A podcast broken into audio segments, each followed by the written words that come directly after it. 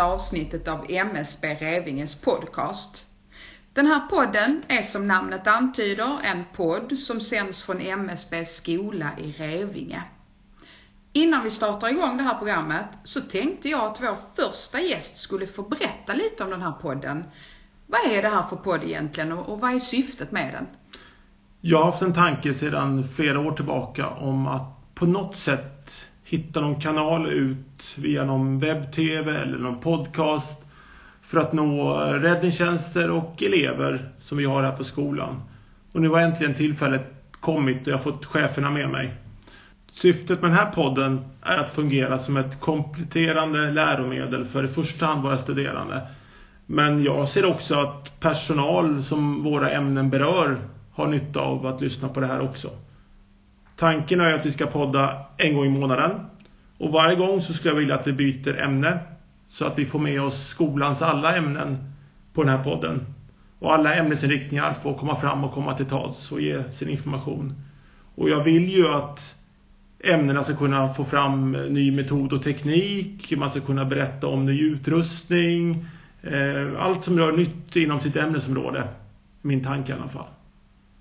Det låter spännande.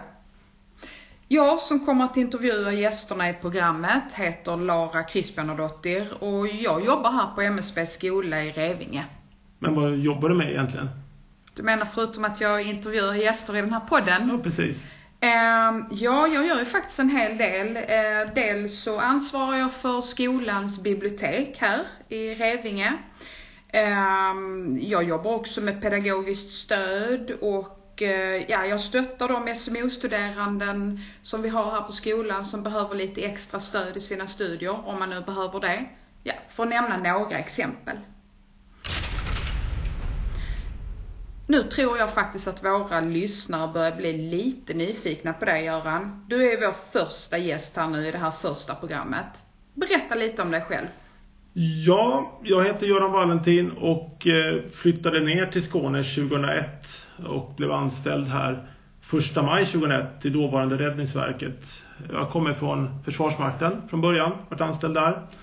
Så min tanke var att jobba med civilpliktiga, vilket jag också gjorde i början. Och samtidigt så utbildade jag mig till brandman deltid 2001. Jag fick ansvaret för räddningshundsavdelningen här på skolan. För att sedan 2002 så var det ingen som ville ha hand om ansvaret för losstagningsutbildningen eller trafikolycksutbildningen. Och då tog jag på mig det. Och sen dess har jag jobbat med detta och tyckt att det är vansinnigt roligt. Och jag är också anställd i räddningstjänsten Kristianstad. Eh, avdelning Tollarp på deltidsstationen där. Har jobbat där sedan dess också. Så det är ungefär det jag sysslar med. Skulle man kunna kalla dig för expert inom det här eh, området? Alltså jag gillar ju inte ordet expert egentligen. För att då ska man verkligen kunna allting. Eh, och jag inser att ju mer jag lär mig, vilket jag gör hela tiden, så inser jag att det finns så otroligt mycket kvar att fördjupa sig i. Så att, nej, inte expert, men visst, jag kan mycket inom området i alla fall. Göran, jag hörde innan att du nämnde ju både losstagning och trafikolycka. Alltså finns det någon skillnad på de här begreppen eller är det, är det samma sak? Ja, vi, när vi säger trafikolycka i losstagning så menar vi egentligen samma sak. Men om vi ska vara riktigt korrekta så är trafikolycka samlingsnamnet egentligen för hela alltihopa vägtrafikolycka säger man. Medan losstagning är ju egentligen bara själva delen för metod och teknik vid trafikolycka. Men jag blandar gärna ihop namnen faktiskt. Hur arbetar ni på skolan kring det här ämnet trafikolycka? Ja, vi försöker ju ha någon typ av omvärldsbevakning för att följa med hur man gör både inom och utanför Sverige. I Sverige har ju MSB ett antal projekt som rör området trafikolycka. Och det mm, givetvis försöker vi följa hela tiden för att ta in de relevanta delarna i utbildningen. Sedan så försöker vi ju givetvis ha omvärldsbevakning så tillvida att vi följer vad man gör utomlands. Och vi går gärna utbildningar utomlands. Vi är ute och föreläser på utländsk räddningstjänst för att visa vad vi gör i Sverige. Och det som vi får till godo där ute försöker vi i lämpliga delar föra in i utbildningen såklart. Är det något särskilt spännande som händer inom ditt område just nu som du skulle kunna delge? Ja men absolut, det händer jättemycket egentligen hela tiden. Det som händer just nu är att precis bara för några dagar sedan så blev en webbutbildning inom trafikolycka personbil precis klar. Och den ligger på MSBs eh, fortbildningstjänst, de heter då msb.samarbeta.se. Där ligger massa bra kurser och nu har vi äntligen fått en, en eh, kursdel där samlingsnamnet ska bli trafikolycka. Där vi ska samla alla de här utbildningarna i form av, eh, i det här fallet då personbil. Det ska komma e-fordon ska samlas under där. Det kommer en utbildning eh, förhoppningsvis före jul att, som heter trafikdirigering. Och min förhoppning i framtiden är att vi ska fylla på det här kursutbudet med flera kurser, exempelvis bilsida tak, vi ska ha gasfordon och jag vill också ha tunga fordon med såklart. Göran, vilka kan gå den här utbildningen? Ja, den är ju riktad mot i första hand räddningstjänster som en fortbildning så att de kan vidareutbilda sig, eh, repetera sin kunskap. Men jag ser ju det här som att jag vill ju använda den här kursen exempelvis till våra elever också för det är så pass bra eh, att kunna ha som repetition om inte annat. Vad sa du nu? Vad hette hemsidan? Ja, den är ju msb.samarbeta.se. Där ligger de här kurserna. Eh, och eh, sen har ju då 2017 i februari så släppte ju MSB en vägledning till räddningstjänsterna som heter Säkert arbete på väg. Och där har ju då Brandskyddsföreningen fått uppdrag tillsammans med Trafikverket och MSB att göra en webbutbildning och den blev också klar under hösten här nu till räddningstjänsterna. Och den ligger på deras hemsida. Sedan har vi ju vajerräcken där vi har väntat hela hösten på att det komma en slutrapport. Och den slutrapporten ska vara ett kapitel i vägledningen säkert arbete på väg. Och nu ligger den slutrapporten på remiss. Och förhoppningsvis efter alla synpunkter kommit in och man har renskrivit den så hoppas jag också den kommer ut före jul. Det som också är roligt just nu tycker jag det är att vi var på ett möte i Lund i det här nätverket Losstagning som vi har startat. Eh, och nu har vi ändå på i tre års tid, det var sjätte mötet.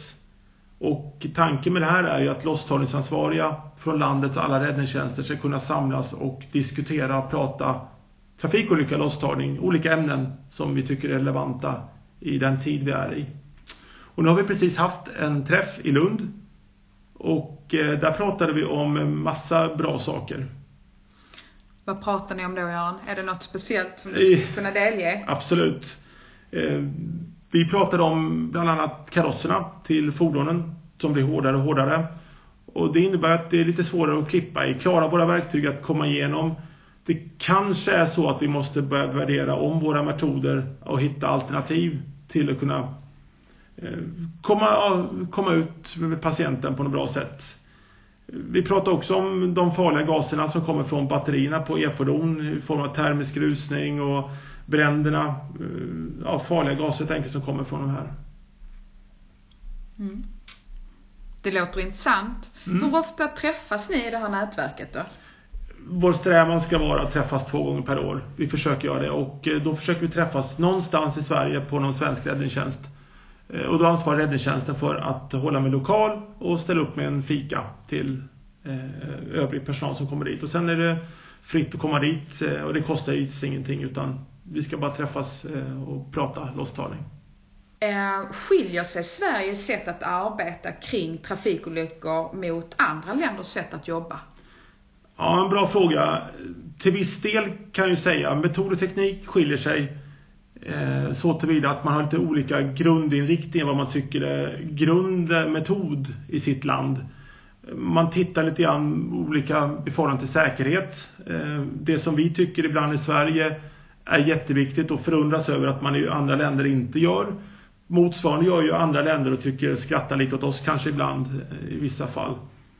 Eh, men samtidigt så när man tittar ute på utländska räddningstjänster, deras utbildningar så inser man att man, vi sitter med samma problem och vi gör ungefär samma metoder. Faktiskt. Är det något särskilt land som MSB hämtar inspiration ifrån? Vi försöker ju ha inspiration från så många länder som möjligt beroende på var informationen kommer såklart ifrån. Men det finns ju sådana här losstagningsnördar runt om i hela världen. Och vi har ett jättebra internationellt nätverk där vi delar med oss av sådana här saker. Vi mejlar till varandra när det händer någonting nytt, eh, incidenter, eh, forskning och så delar vi med oss till varandra. Så man får väldigt, väldigt mycket information. Och väldigt mycket av detta försöker vi få in i utbildningarna och väldigt mycket lägger vi ut till räddningstjänsten att själv värdera om det är viktigt eller inte.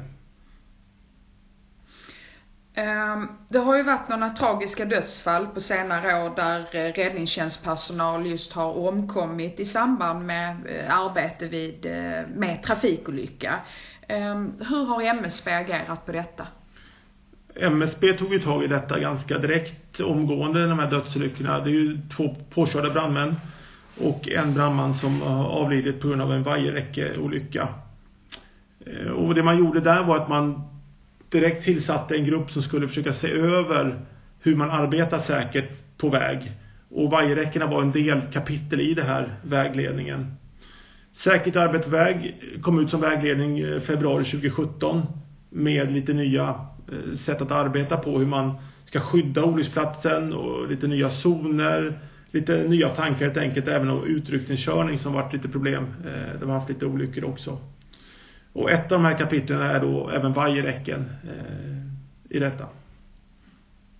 Göran, du nämnde ju tidigare något om problem med gaser från batterifordon. Det finns ju fler fordon idag eh, som just drivs med alternativa drivmedel. Innebär det här att man från räddningstjänstens sida måste tänka annorlunda när man är ute på, på en trafikolycka när, när en sån här bil är inblandad? Ja, i grunden så är tanken att vi agera som vanligt egentligen. Men det finns ju lite risker, speciella risker som är kopplade till det speciella drivmedlet. Exempelvis om vi tar e-fordon så är, finns det en risk efter kollisionen att batteriet kan vara skadat. Och det kan vara lite instabilt. Och det kan innebära att batteriet kan få en så kallad termisk rusning. Och det innebär ju att batteriets celler har skadats och cellens temperatur ökar okontrollerat och en stor mängd energi frigörs och kan leda då till en brand. Eh, och då bildas en rad olika gaser som kan vara direkt skadliga för, för räddningstjänst och eh, civil eh, personal på, på trafikolyckan. Och vad gäller gasfordonen så har vi haft ett, incidenter, ett antal incidenter där gasflaskans smältsäkring inte har fungerat som det ska. Antingen på grund av att räddningstjänsten har kylt smältsäkringen eller att det blivit någon typ av punkt förbränning mot flaskan. Och då har inte smältsäkringen löst och då har flaskan exploderats. Så det finns ett par risker man måste ta hänsyn till eh, när man handlar de här fordonen. Hur ofta eh, åker man ut på, eh, på sådana här trafikolyckor? Där, där där de här bilarna är inblandade? Ja, exakt har ingen statistik på hur många av de här trafik... Vi åker på över 20 000 trafikolyckor per år och det ökar hela tiden. Antalet trafikolyckor vi eh, rullar ut på. Och hur många av dem som är eh, alternativa drivmedel inblandade vet jag inte. Men det blir ju vanligare och vanligare med tanke på hur många fordon som säljs idag. Om jag skulle vilja fördjupa mig just inom ämnet trafikolycka, finns det någon särskild hemsida eller någon, någon litteratur, specifik litteratur kopplat till ämnet? Jag tycker ju att msb.samarbeta.se med kurserna i trafikolycka har blivit väldigt bra. Där tycker jag man kan, kan eh, använda sig av. Eh, det finns en utbildning där som även handhar e-fordon, också väldigt bra. Jag själv har en hemsida som heter teolycka.se. Där lägger jag själv upp allt mitt utbildningsmaterial och även allt annat inom ämnet som jag har. Försöker lägga ut allt jag kan. Jag har också skrivit en uppdatering till taktikboken Trafikolycka som förhoppningsvis är på tryckeriet så jag hoppas den kan släppas inom en snar framtid. Och den hoppas jag landar i biblioteket. Jajamensan. Absolut, den kommer finnas i biblioteket. Det är bra det. Vad sa du nu att den här hemsidan hette, som du nämnde? Ja, dels har vi msb.samarbeta.se och sen har vi teolycka.se som jag tycker är bra. Göran, om du skulle få säga in i framtiden, är det något särskilt som du tror kommer att komma inom området trafikolycka som vi inte har sett förut? Ja, dels var det här med karosserna som blivit så hårda att de knappt går att klippa i och vi får väl börja titta efter alternativa metoder och det är väl någon rörelse som har börjat röra sig i Sverige för att försöka hitta alternativa metoder och vi klipper ju inte kanske jättemycket längre eh, med tanke på att bilarna blir hårdare och hårdare och nu är det ju den typen av eh, säkerhet som bilföretagen jobbar med är ju att bilarna ska inte kunna krocka med varandra. Och i framtiden kommer ju bilarna köra själva och då slipper vi kanske olyckor helt och hållet. Men det som styr hur vi ska jobba är ju sjukvårdsbedömningen, det vill säga akuta omhändertaget av patienten. Och det är den bedömning som ibland personalen gör. Och där sker det jättemycket inom det området just nu eh, som är lite rörigt. som jag hoppas ska komma ut lite nya riktlinjer på hur vi ska jobba. Och det styr egentligen hur vi ska jobba, om vi ska klippa ut patienten eller om vi ska göra någon typ av annan typ av uttag. Så det är det som får framtiden se om. Men varför, har, varför eh, anser man att det ämnet är intressant just nu? Alltså det här med... Det har hänt mycket inom eh, forskningen runt eh, immobilisering runt patienterna. Eh, nackskador eh, kontra vilka brädor vi använder och vad som är bra och inte bra. Nackkragar och syrgas och så vidare. Så det kommer nya rön hela tiden. Och just nu har det varit en väldigt omvälvande period där, där mycket rykten har gått hur man ska agera. Och många räddningstjänster tror på visst sätt.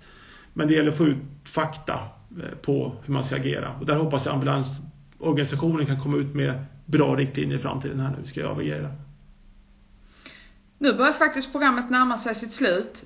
Tack så mycket Göran för att du ville komma och berätta just om ditt specialområde, mm, trafikolycka. Eh, i nästa avsnitt så kommer Stefan Isaksson hit och pratar om risk och förebyggande. Och Stefan, han är lärare här på MSB Revinge och undervisar just i det här ämnet. Men innan vi avslutar så tänkte jag berätta att en stående punkt i den här podden kommer att vara att den gäst som vi har i programmet ska få ställa en fråga till gästen i nästkommande program. Så då tänkte jag faktiskt ställa en sista fråga till dig Göran. Vilken fråga vill du att jag skickar vidare till Stefan inom ämnet risk och förebyggande? Ja, och min fråga till Stefan blir då, hej Stefan. Hur kan ämnet risk integreras i min utbildning trafikolycka i framtiden? Där har han någonting att bita i. Lycka till! Då säger vi hej då för den här gången och eh, hoppas att ni lyssnar på oss nästa gång. Hej och tack! Tack!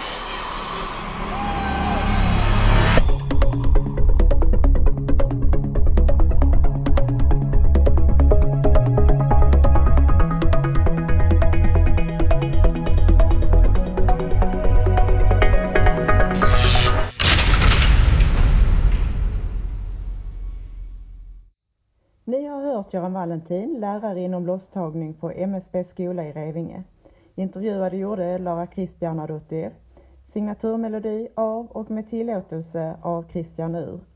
Ljudupptagning och redigering Charlotte Kristoffersen. MSB Revinge, november 2018.